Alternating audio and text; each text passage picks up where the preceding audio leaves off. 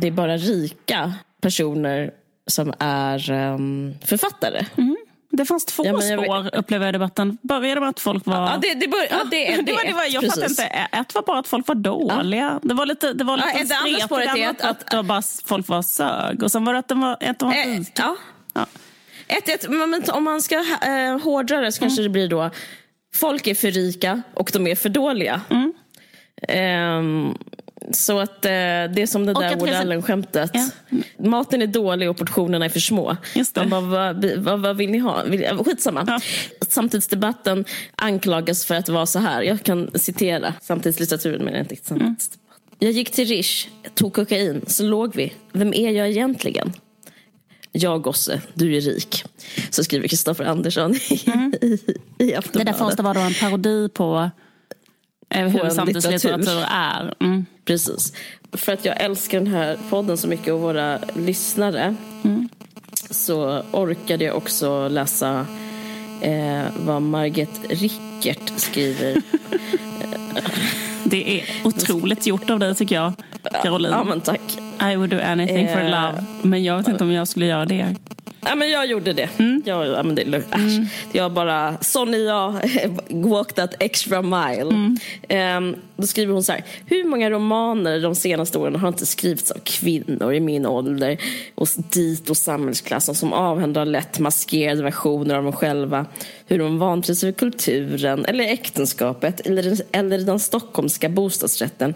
Och så några filosofiska funderingar om hur jobbigt det är att bara vara akademiker eller bara vara kvinna för den delen.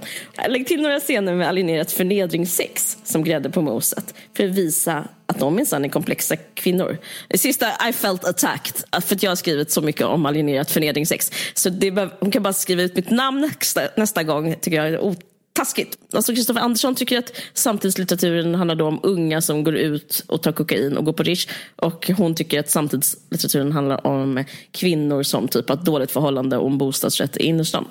Men jag vet liksom inte riktigt var jag ska börja. Jag undrar om jag ändå ska börja i det här första artikeln, startskottet som handlade om att um, alla på Biskopsgården är rika.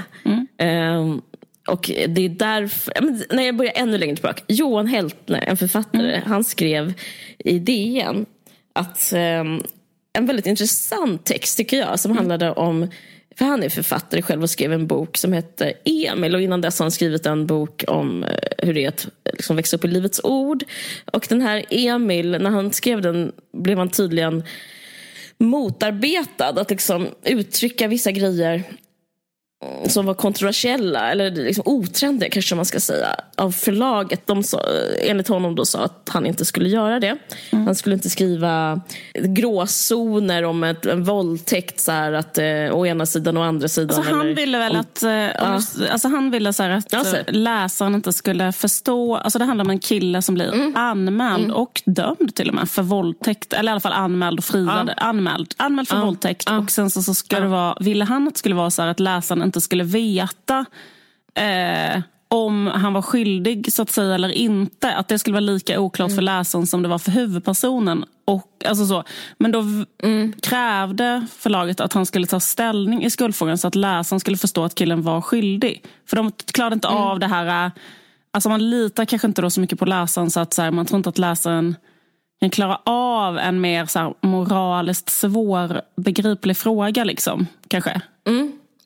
Ja, men det stod inte att det var, att det var därför, utan det är väl det är kanske din tolkning, eller det kan man läsa igenom mellan raderna. Jag Okej. tänkte att det var de inte ville vara opopulära. Eller liksom det, jag tänker att det var ett populistiskt val. Liksom, för det var så eh, trendigt med det var precis efter metoo. Alltså de ville inte gå, gå mot eh, vad som var trendande i samhället. Liksom. Att, Ja. Men det är lite samma som jag menar, men det spelar ingen roll. Ja, det kanske är samma. Ja, Ja, men bara det är där att, att, att, att, att, eh, att man, man har ju haft det här uh, Believe survivors, I believe survivors. Som Ja, ja, är ja. liksom ja, ja. Att om någon säger det så är det så. Och då, då blir det liksom kanske kontroversiellt att göra en bok som är så här, någon sa det fast det finns en öppning i boken att det kanske inte var så. Och då blir det liksom för eh, Mm. Ja, det gick emot den problematiskt. typ av... liksom, ja, precis. Det var väldigt hett just då, för det var peak metoo, peak Weinstein och allt sånt där.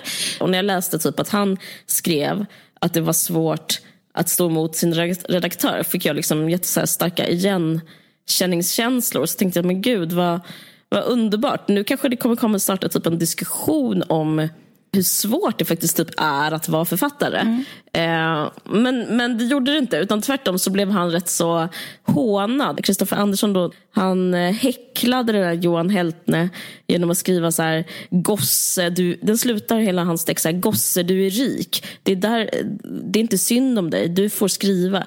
Hela liksom, problemet är inte typ att en förläggare och han säger också att den där förläggaren gjorde nog bara sitt jobb och han, hon eller han gjorde nog bara rätt. Men problemet är inte det vi har i samtidslitteraturen utan problemet är vem som får skriva. Mm. Och så har han en jättelång, eh, rätt så liksom rolig och väldigt fantasifull text om hur det är att gå på Biskops Arne. Och, eh, han pratar om det som rätt så känt att eh, många som kommer in på konstnärliga utbildningar, deras föräldrar är ofta akademiker och sånt där. Mm. Eh, och det har, nog, det har han ju rätt i. Men han gör en slags slutsats som handlar om att nu för tiden så hörs bara liksom en röst och det är de här rika ungarna. Eh, det är de som är författare mm. eh, nu för tiden. Det, för det första, jag har gått på Biskopsarne och jag, jag ska inte hålla på med en anekdotisk bevisföring. Det här är bara en, bara en anekdot så att säga. Men jag gick på Biskopsarne i två veckor. Mm.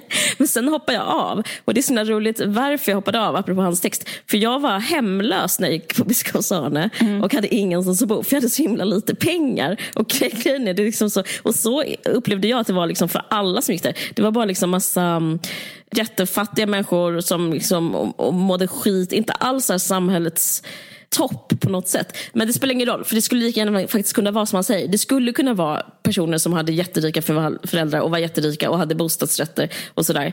Men eh, det, det är inte alls min poäng. utan det jag tycker är intressant, som både han och Margit Richet och vad fan, och även hon eh, som skrev Nora, eh, och Blin, det de gör, hon, eh, hon då, det är, no, det är Johanna, vad fan heter hon i efternamn? Johanna någonting. Jag kommer inte ihåg. Hon skrev den mm. Nej, hon skrivit typ, i alla fall den här Brinn, Oslobrinn. Och, mm. ja, och hon säger som jag säger nu, vi var, vi inte, vi var inte, hon gick också Biskopsarne, vi var inte särskilt rika säger hon. Mm. Eh, och han säger ni var rika och Margaret säger ni var rika. Men det jag tycker är intressant, jag fick en eh, ny tanke eller en insikt efter jag läste en artikel i The Guardian igår som handlar om att det är en författare som har skrivit um, om uh, hur det är att vara typ native american. Mm. Känner du till det här? Nej. Först blev boken hyllad och typ Oprah tipsade om henne och folk tipsade om henne och sen så har de gjort avkall på sina tips. Bara förlåt, vi menar inte det, vi skulle aldrig tipsa om henne. För det som har bevisats nu att hon är inte Nej, de har skrivit om mexikanska migranter. Det är, typ, det är det som det handlar om. Och den boken tydligen jättebra. Men hon är inte en mexikansk migrant själv. Mm. Och det är så... Skitsamma. Men det, det, det jag läser då i Guardian, en bra grej som en eh, författare som heter Kenan Malik. Han skriver om, eh, om det här med att Alltså han, artikeln heter Stop telling authors what they can write, the only limit is imagination. Mm. Ja, men det handlar om lite som, alltså det, det, går liksom att härleda till den debatten vi har här, det som de pratar om, mm. de här mm. tre Johanna, jag menar inte vad låta som håller på med härskarteknik. Jag kommer fan bara inte ihåg vad hon heter i efternamn. Mm. Johanna Margit Rickert och Kristoffer eh, Andersson. Men att de, de alla tiderna han, eh, pratar om så här, vem som får skriva. Typ eh, Christoff, mm. både Margit mm. och Kristoffer, eh, de efterlyser, alltså Margit Rickert är så rolig för hon bara, jag önskar att någon från förorten, en förortspojke skulle skriva, eller någon eh, lantbrukare. Det var så ja, glesbygdsgamer ville hon skulle skriva en bok. Ja, precis. Alltså, det, jag önskar att det skulle någon vara högst typ, på eh, listan tror jag. Typ en sån kille kanske som är dataspelsberoende som bor i Ja, en det, det, eh, kanske Kramfors eller något sånt ställe. Ja, just det. Och han vill att så här, um, någon som inte har föräldrar som råkade vara så smarta så de började fondspara direkt mm. när bebisen föddes. Eh, citat. Um, ja, men, och eh, då Johanna då skriver så här. Eh, vi är faktiskt inte så rika och jag hade inte råd att köpa en Alvar Aalto-vas. Eh, borde, ni borde läsa på om Bourdieu. Okej, okay fine. Men jag, det, jag är, det jag är förvånad över det är nu att vårt, våra tre svenska kultursidor, alltså de, Sveriges största kultursidor, att alla nu har ett accepterat idén om identitetspolitik. Att, de, att de, bara, de bara svalt det och köpt det och spottat ut det. Och att två, de eh, tar avstånd från idé om att fiktion finns. Mm. Förstår vad jag menar? Mm. För grejen är att det de säger med andra ord, det är, liksom, det är som att den här, okej, okay, vänstern kom på identitetspolitik att så här, hej och hå, en person som är svart får bara uttala sig om svarta grejer. Mm. Jättevulgariseringsförenklat. Sen tog högern den idén. Och, och så, så nu har, men nu har liksom kulturen tagit den idén. Och då känner jag mig lite otrygg. Jag känner mig liksom inte otrygg över att så här, hjälp, jag är rik, får jag inte skriva längre. Utan jag känner mig otrygg över eh, att de inte inte kultursidorna skyddar idén om att ens kultur finns så är det liksom obehagligt. Alltså, om man ska bara ha tankemodellen som är så här, ja, alla är jätterika på Biskopsarne. Mm. De är svinrika, de, de är in fact adel som går mm. där. Då blir det fortfarande ointressant att säga att de inte får skriva. För det är som den här Canon Malik skriver i Guardian.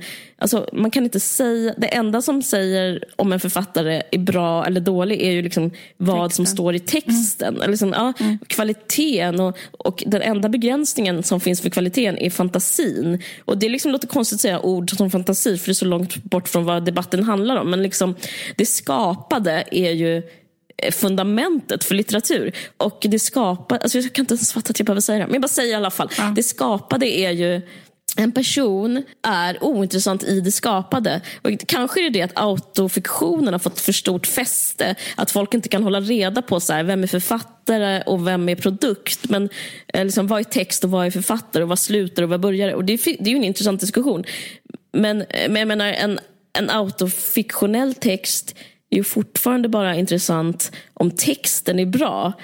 Och då spelar det fortfarande ingen roll om vem som eh, skriver den. Alltså då, och det spelar ingen roll om det är typ en gamer i Vetlanda nej, eller om nej. det är en adelsman. Om, ja. om det är bra skit. Mm. Uh, okay. För det var så konstigt för att hon skrev det, ingenting ja. om det. För, eller just det, att, ja. hon, så här, att hon tyck, verkade tycka att genren kvinnor som skriver om ja eh, alltså autofiktion, alltså lättmaskerade jag-porträtt. Där de, alltså att det är då liksom eh, så här, bara det att man är en kvinna eh, i innerstan kanske som skriver om det. Då uh. skulle det göra att det är dåligt. För att så här, eller som, eh, som man kan påpeka så är det så här, jag menar Knausgård är autofiktion eller Strindberg är autofiktion. Eller, alltså allting.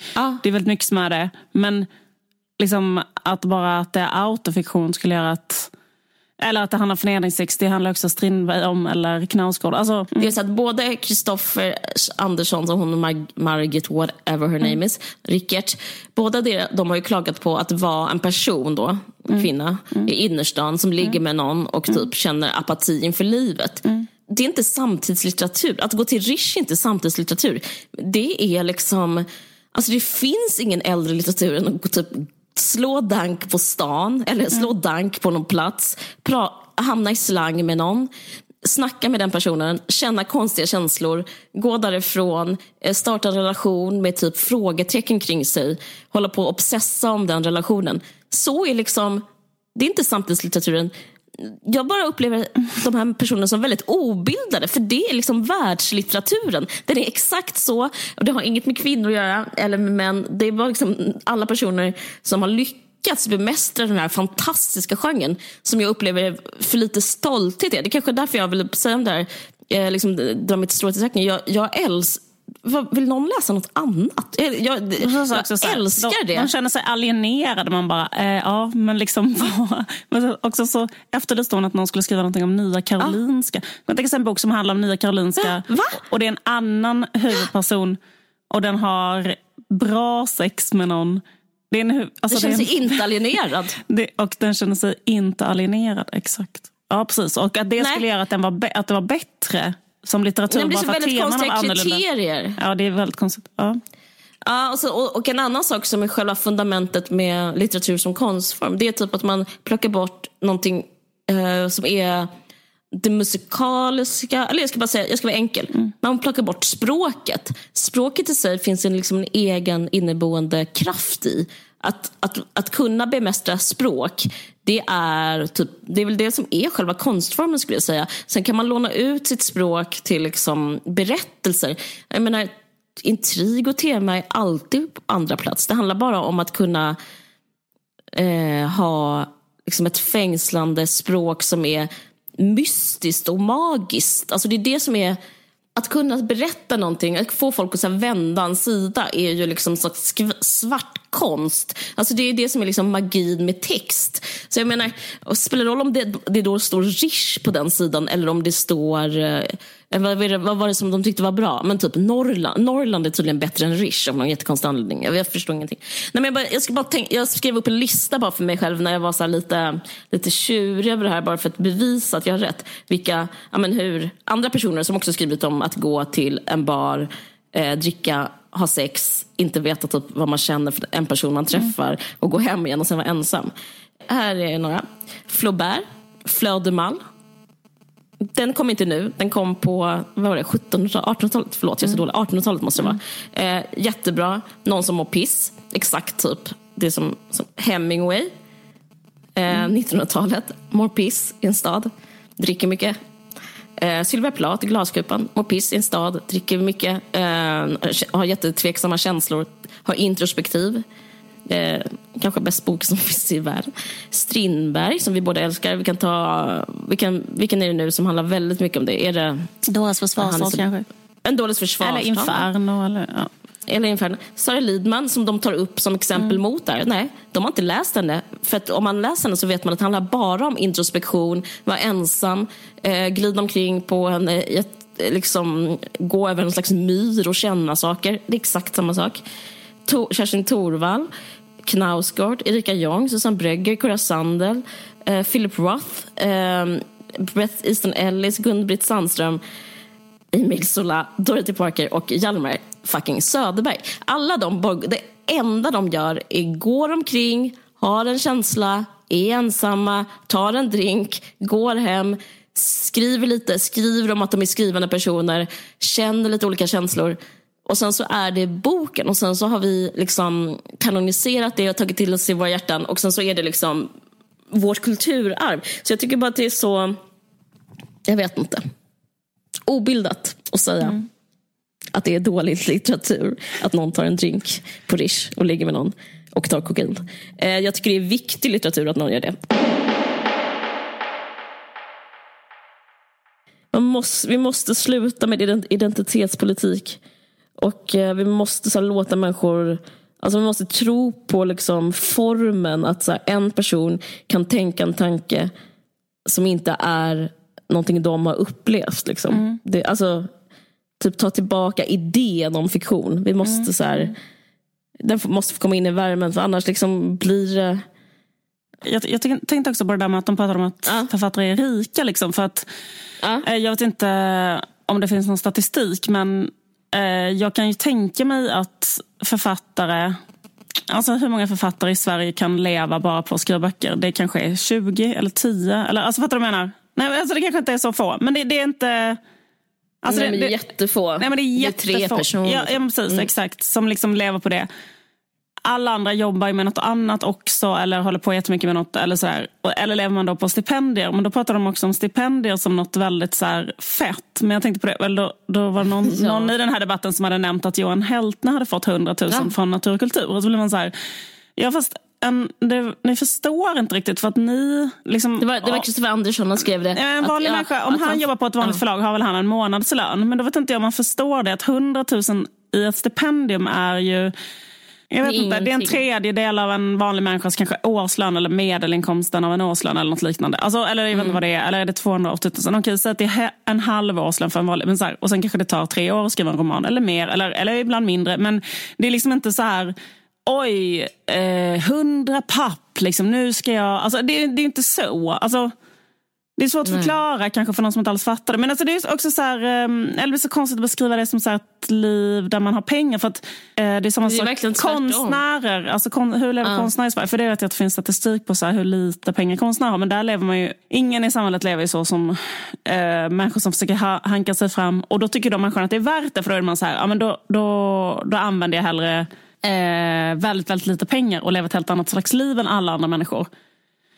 Mm. Eh, för att jag väljer att hålla på med kanske då bildkonst eller att vara författare. En helt vanlig författare i Sverige som ger ut så en bok var tredje år och som säljer i några hundra ex. Alltså så, eller om man är någon så smal författare som bara på något vanligt sätt för, försöker hanka sig fram. Sen kan man tycka, Nej, att, man tycker, är, kan man tycka att man är ja. elit på andra sätt. Så att man är elit på det sättet att man får uttala sig som. Men man är inte en ekonomisk elit. Alltså det är ju bara rakt av fel. Alltså fel. Nej, nej, det är rakt av fel. Nej, men det jag upplever där det är att, liksom att, det, att det är en eh, nästan som en fetischisering av författare författaren. Eller, liksom, eller en objektifiering. Och för alla vet nu att det inte är sant att författare har typ basker och röker sig och svarta mm. kläder. Det, det, är typ, det har vi kommit överens om som en klichéartad arketyp. Den finns inte, den typ av författare. Mm. Men nu är det som att så här, det ligger så långt ifrån tydligen honom då, så att han liksom skapar en annan slags fetischisering av vad en författare är. Som en rik person med akademikerföräldrar och bostadsrätt i innerstan. Nej, men också, jag läste Erik Helmersson, han, han skrev mm. om att, äh, att Judith Butler, äh, Judith Butler den, äh, styr på biskops Arne och mm. sådär. Och jag upplever båda de två nidbilderna, eller så här, mm. arketyperna som de skapar som båda, det är liksom en slags ny romantik. Även det är liksom ett romantiserande av någonting man inte alls känner till. Som att, så här, um, att se liksom ett rum framför sig med, med typ marxister och liksom Judith Butler-anhängare som sitter och dikterar vad som är vad. Alltså det, det är, jag tycker det är sorgligt för det säger någonting om att så här, eh, författaren och litteraturen och den statusen är så anonym. Att det finns ingen naturlig plats typ så här, i media eller ens då i det, här var, det ena var på, kultur, eh, på ledarsidan men det andra var ju liksom faktiskt på kultursidan. Att man, att man inte har någon slags skydd ens där. Alltså där att, det är liksom som man gör med typ, att en jude har en judenäsa. Det, jag upplever den typ av eh, distans och liksom att det är som okunskap faktiskt. På, alltså. Ja, jättemycket. Eh, och, det är en väldigt eh, konstig debatt alltihopa tycker jag. För det var så konstigt att det började med något helt annat, sen slutade med det här. Som bara... Det har backfirat så himla mycket där med identitetspolitik. Dels då att högern använder den och nu när att kulturen använder den. Mm. Men att liksom Alltså det finns något så romantiskt i det som är mm. väldigt förtryckande. Mm. Alltså, eh, det är en romantisering av underläge och det upplever jag i den här, jag kan läsa ut mm. från den här debatten. Alltså att det är som att det är bättre till exempel att vara fattig.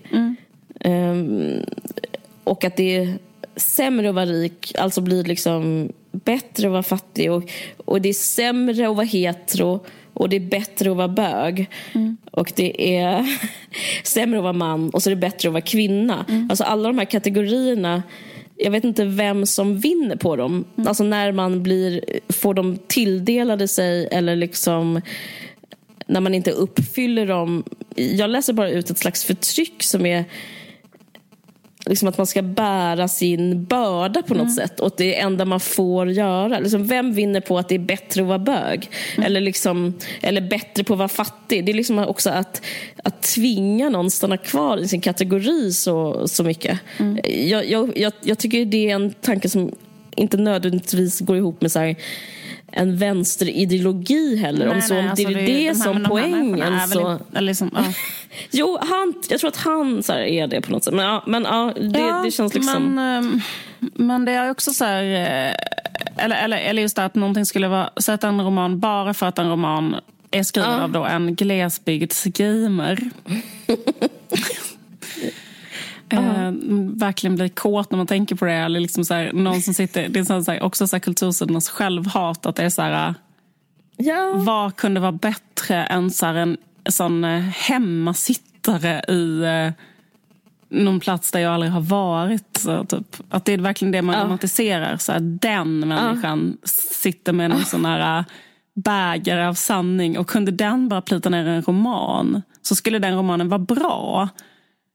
Ah. Men liksom, varför skulle det vara det? Eller, varför, eller, jag menar, eller, eller varför skulle det rädda litteraturen i Sverige? Eller skulle det vara något bra? Eller, skulle, alltså, fattar man, eller, det var så. Nej, nej, nej. Ja, det är nej, det är sjukt. Jag, ja, nej, alltså jag vet inte, för jag kan inte heller, alltså jag känner inte att jag har alls den överblicken av litteraturen i Sverige idag. Att jag kan säga någonting om den så generellt i ett internationellt perspektiv eller hur den är eller sådär. Men Då är du gott sällskap, det kan ingen av dem heller. Nej men det är ju ingen som säger någonting bra där. Alltså, jag menar det är bara att säga. För att grejen är det är verkligen det som är kriteriet. Bara säg något om du vill säga något. Det är Men, så eh, dålig. Nej, nej, eh, precis. Men jag tycker, det, det, jag tycker liksom också den där... Um, med det så brinnande bara hatet mot så medelklassen kan ibland bli så här Ja. lite tröttsam. Och jag är lite förvånad att den är i svang just där. För jag tänker så här, för, för, jag menar, för, Ja. för så är det ju att, eller det är väl bara egentligen att hacka i sig så att så en person som har inga papper och liksom, vad heter det, bor i en källare i, på Golden i Malmö. Och, alltså vad du menar? Det är jättesvårt för den att skriva. Och så är det. Liksom. Så har det alltid varit. Alltså så är ju alltid, så är det ju globalt, så är det i världslitteraturen och sådär. Det är faktiskt egentligen bara i Sverige Ja. man har arbetarlitteratur överhuvudtaget. Vi är liksom ett undantag att vi har haft arbetarförfattare. För det fenomenet i princip existerar ju nästan inte. Alltså så här, jag menar världslitteraturen, det är ju bara människor som har haft dem. Eller klart att det är så. Alltså jag menar, ja. men, och det är klart att det är ett problem, men då är frågan så här, ska man, alltså lösning på det är väl att eh, utjämna klassklyftor? Förstår du vad jag menar? Alltså, det går väl inte att hitta på något annat än att det ska vara så här en jämställd skola. Och, alltså, du vad menar? alltså, det går liksom inte att hitta på något annat sätt. Man kan ju inte säga då så här att... Eh, eh, Men, nej, lösningen att de som skriver också ska tystna är väldigt konstig i alla fall.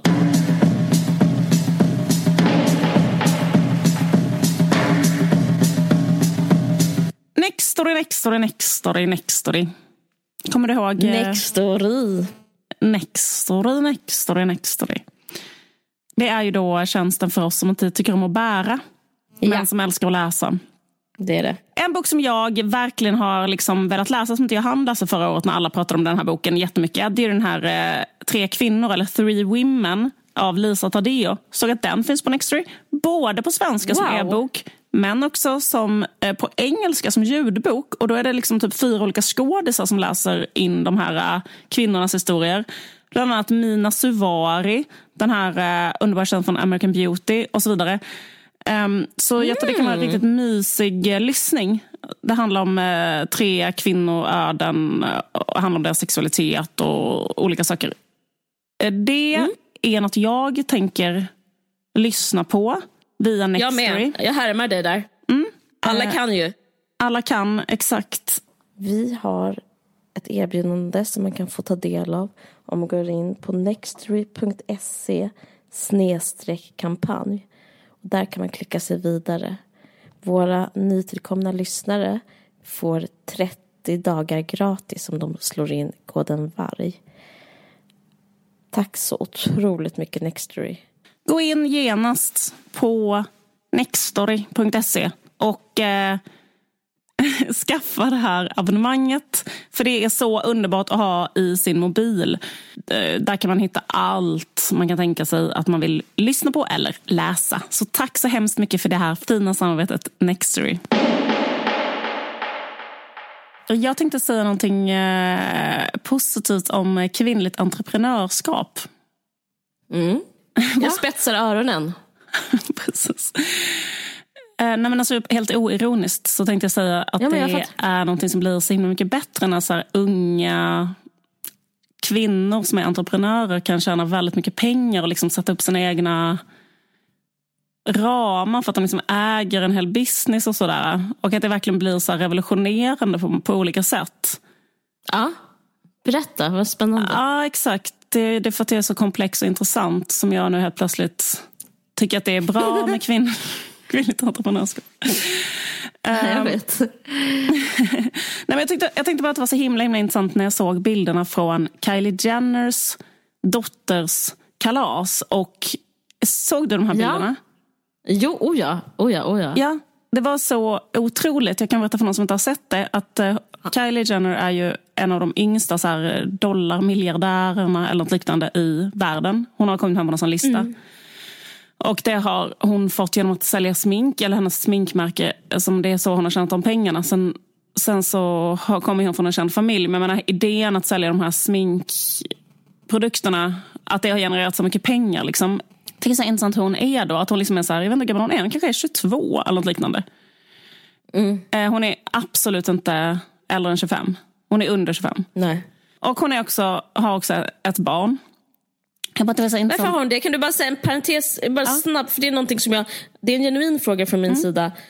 Det brukar, så brukar folk säga som vill bråka på internet, men det här är en genuin mm. fråga från min sida. Varför har hon barn? Varför, varför, är det, varför har hon barn? Jag tror att hon så här blev oplanerat, det här är bara min tolkning, jag tror att hon så blev ah. oplanerat gravid med den här eh, ah, rapparen okay. som hon var tillsammans med väldigt kort. Och så här, hon hade varit ihop med honom så någon månad, sen blev hon på smällen. Sen höll ju de det hemligt, sen så bara föddes barnet. Och sen nu har ju de gjort slut. Så att hon är så ensamstående mamma till det här barnet. Mm. Men det är det som jag tycker är så himla intressant också. Att hon är så här, hur hon är då med det, med sitt moderskap och sin, sitt imperium mm. och så.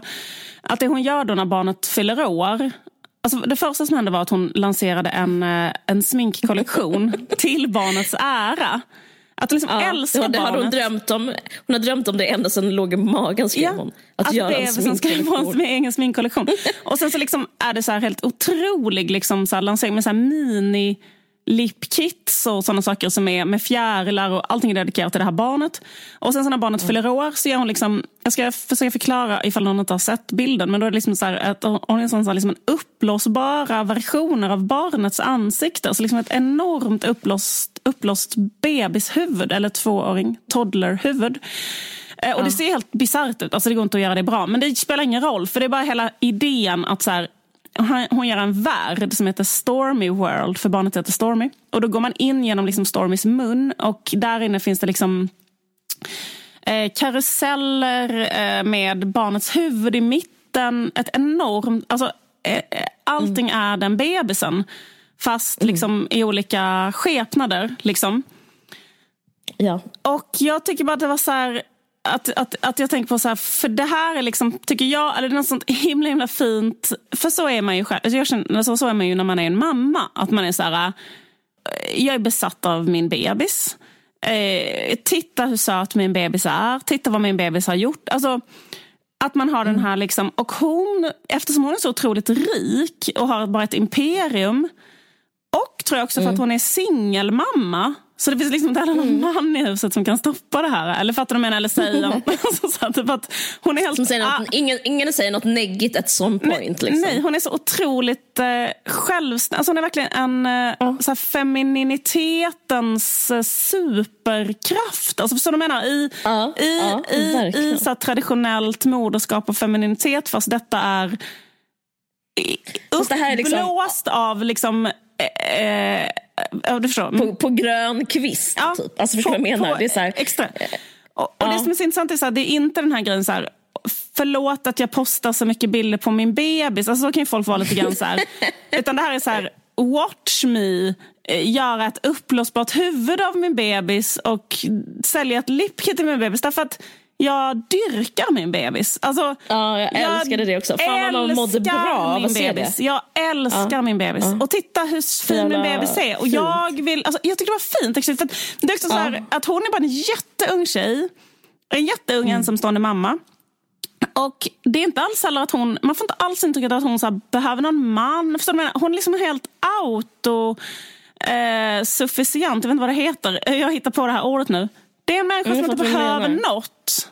Hon är otroligt rik. Hon är liksom otroligt vacker. Hon har också, också det att hon har barn att göra att hon blir ännu mer så här untouchable. Fattar du vad jag menar? Mm, För hon håller bara på med sin moders... Eller hon, hon liksom är en... Ja, men det är jätteintressant att hon utgår bara helt från sig själv också. Ja. Typ att man är typ så här, vad skulle jag vilja göra? Mm. Och så bara, ja, då är det ju det. Alltså mm. hon, det är så, hon gör ju det typ det man själv liksom har inuti sig själv som en slags önskan. Som man bara förtryck, det, måste förtrycka? Ja.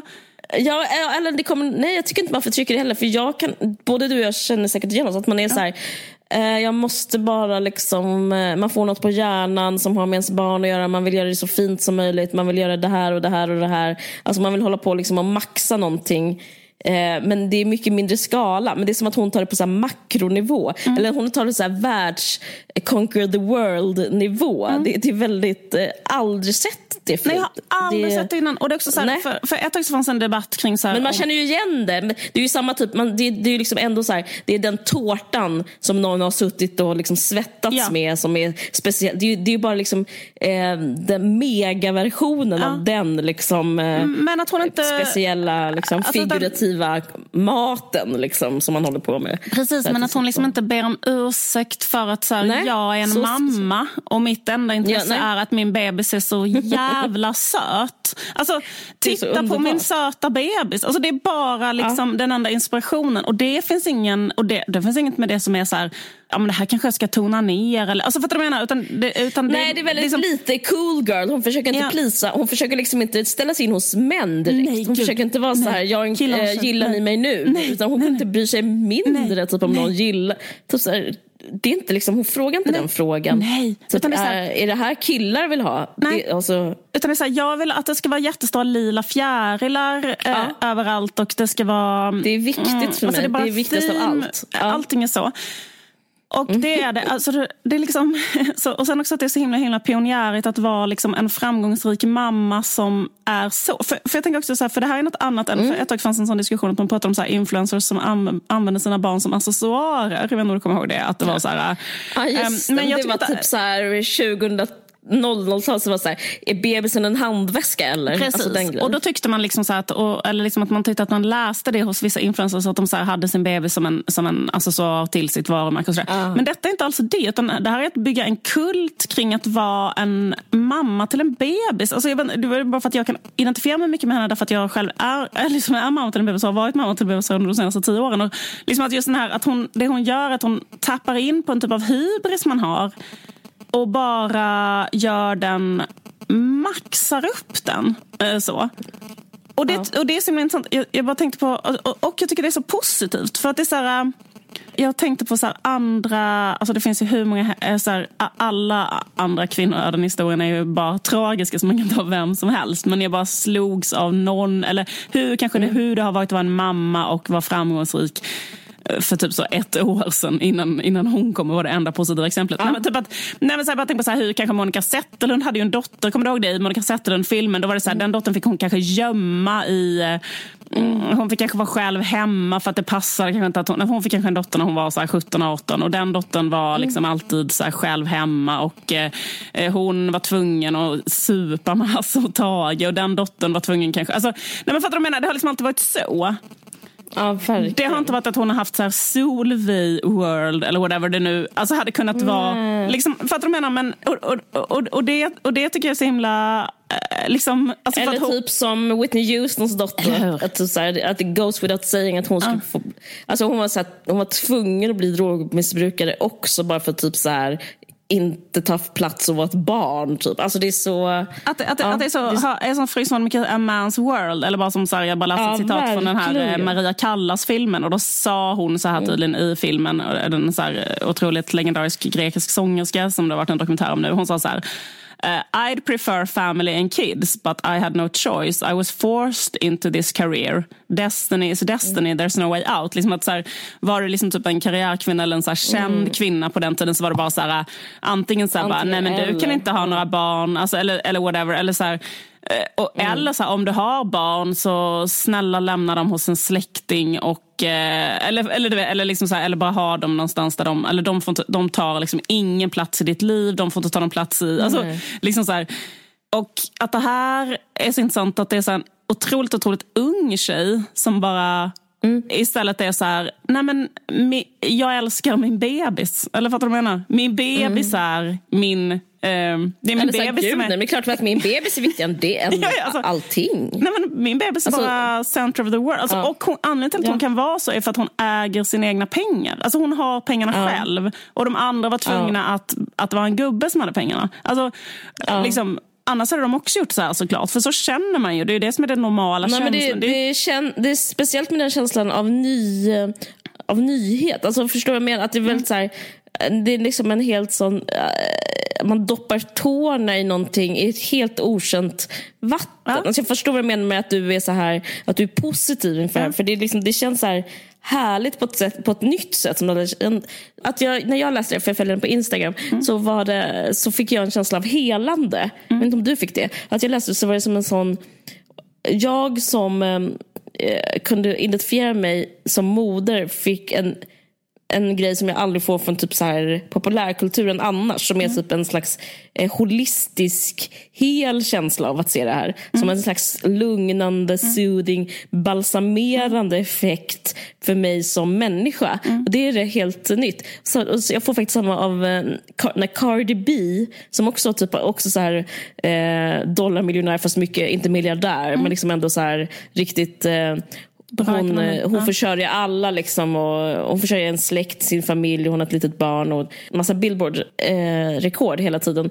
Och när, varje gång är hon också bara så här, jag, älskar, jag, jag, jag dör för mitt barn, hon är så gullig. Jag klädde på henne de här kläderna, de är så gulliga. I chose the outfit. Och typ så är hon jättemycket mm. fast hon är liksom en maktfaktor. Och det är mm. som en sån paus i en tillvaro som är annars så hyschande med så här, nej vi ska inte berätta om det där, det kan förstöra oss vilken sekund som helst. För det är ju enda liksom, signalen man har fått som kvinna annars. Här. Jag tror jag har varit jättemycket, jag skaffade barn så sent bara för att det var självklart att det var antingen eller. Liksom, att, så här, mm. man, kan inte, man kan absolut inte göra någonting man vill och, och med barn samtidigt. Mm. Det liksom, mm. får man välja eller vänta. Mm. Eller, mm.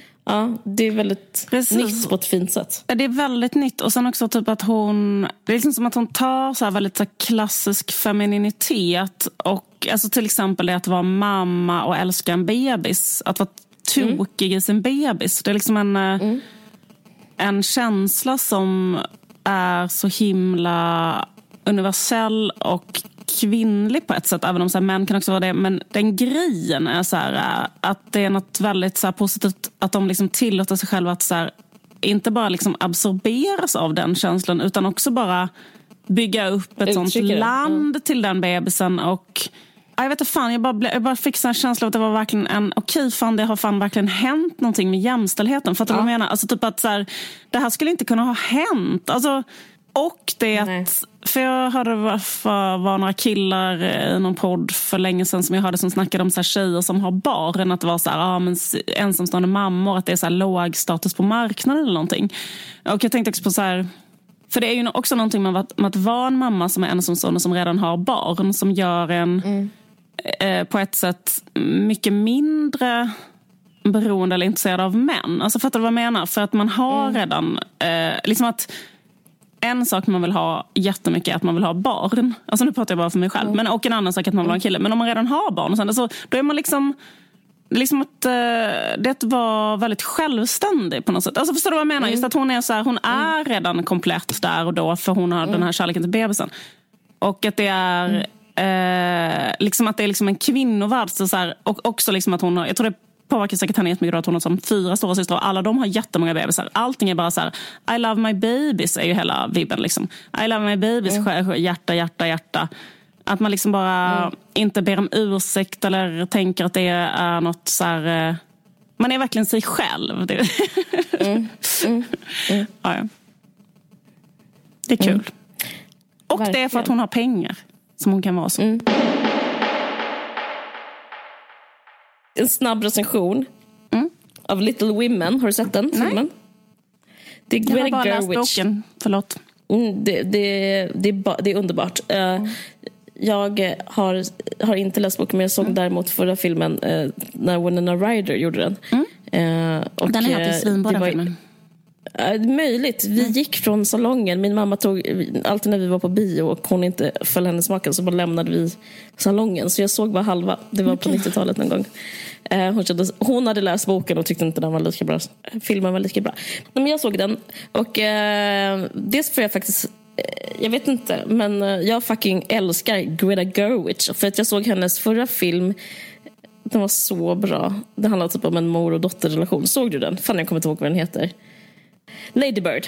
Eh, hon gjorde Lady Bird med Saoirse Ronan som var jättebra och hennes stora genombrott och hon blev liksom typ den enda enda kvinnliga regissören i världen eh, med den filmen. Alltså, det finns ju några andra, men hon fick liksom, hon fick liksom sitta i tv-program med Martin Scorsese och typ Robert De Niro hade en fråga till henne. Typ sån stämning. Hon verkligen mm. kom in i värmen med den filmen. Och med den här Little Women, den har fått så otroligt bra kritik. Alltså sams, samstämmig, liksom, fantastisk kritik. Den är så otroligt bra. Och folk har varit jätteupprörda nu med Oscars för att hon eh, har, det var bara eh, nomineringar gick bara till männen och samma med Emmys, alltså eh, i regi. Så här, vem, eh, eh, varför liksom har inte Greta Gerwig fått en Oscarsnominering för bästa regi? Har det liksom varit en stor grej typ som, skriver, som folk pratar om i poddar och pratar om liksom i, på kultursidor i USA och i England och bla bla bla.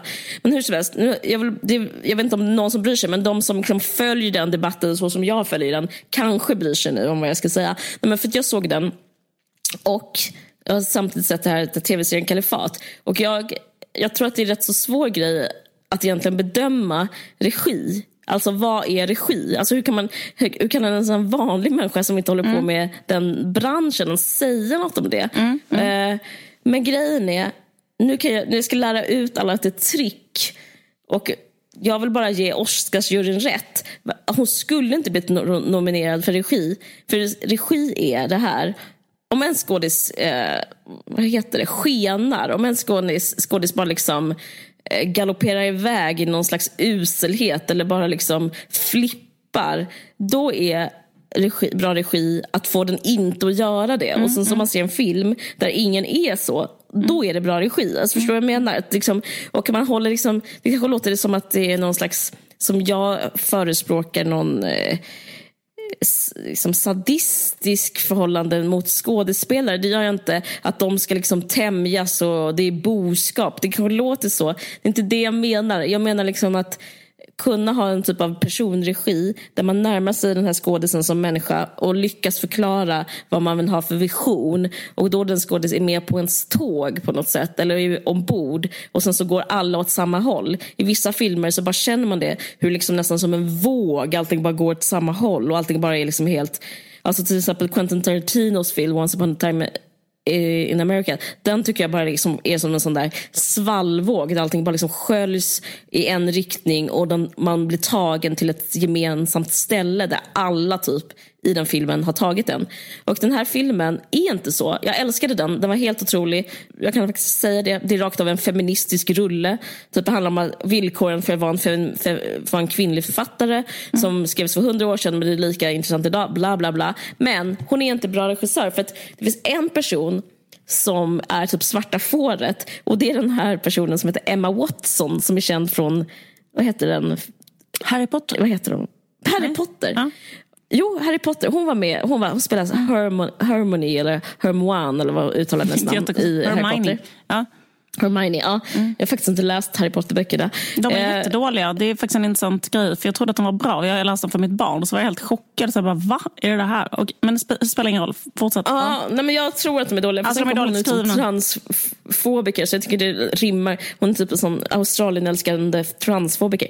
Hur som helst, J.K. Rowland. Det, det var en parentes. Det jag ska säga är att um, hon, hennes skådiskarriär var så här, jag menar, för det första, det är svårt att säga om en barnskådis är bra eller inte. Ett barn är liksom ett barn. Barn mm. kan inte så mycket. De är inte så elaborerade. Det är liksom mer en chansning. Hon är söt, typ. Hon passade i den rollen. Hon har brunt hår.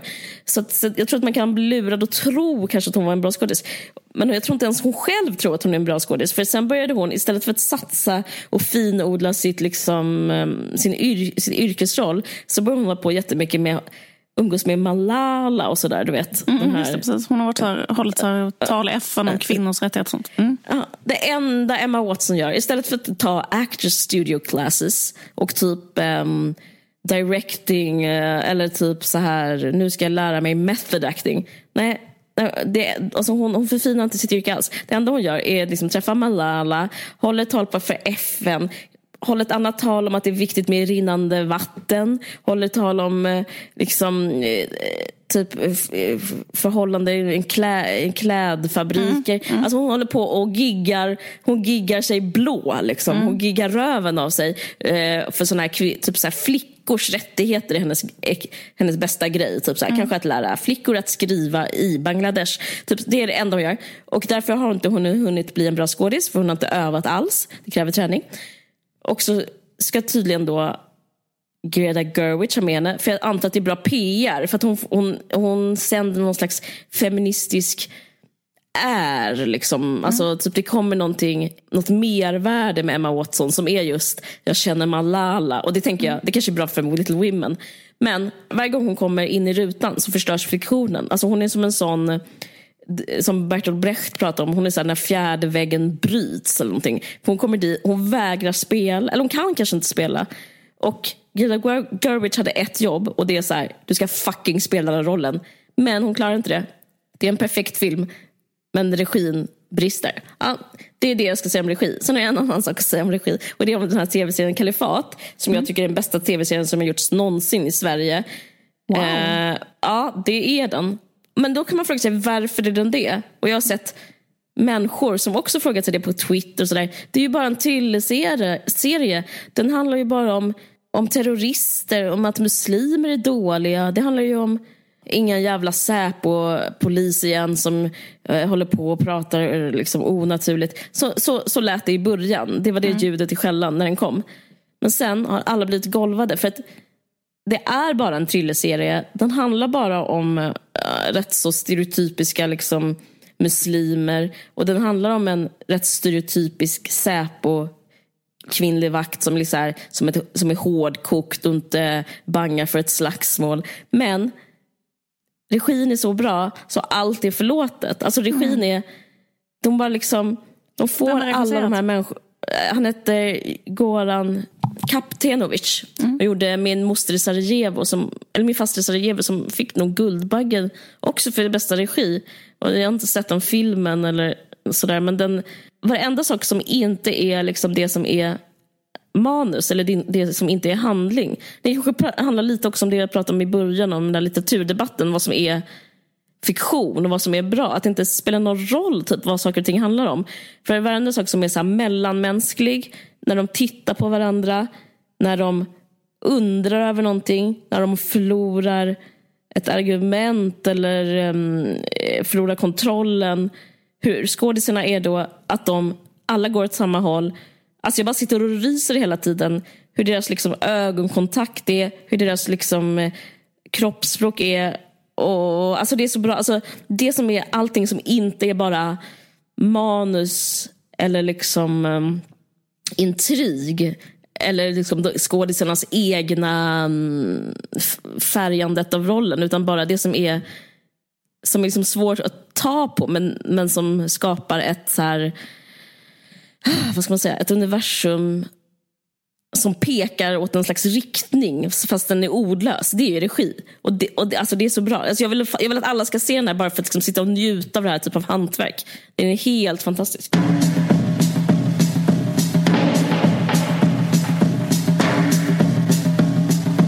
Och vi har ett samarbete med Malmö stadsteater. Så himla kul! Det finns nämligen, de ska göra en nyskriven musikteaterföreställning som heter Prekariatet.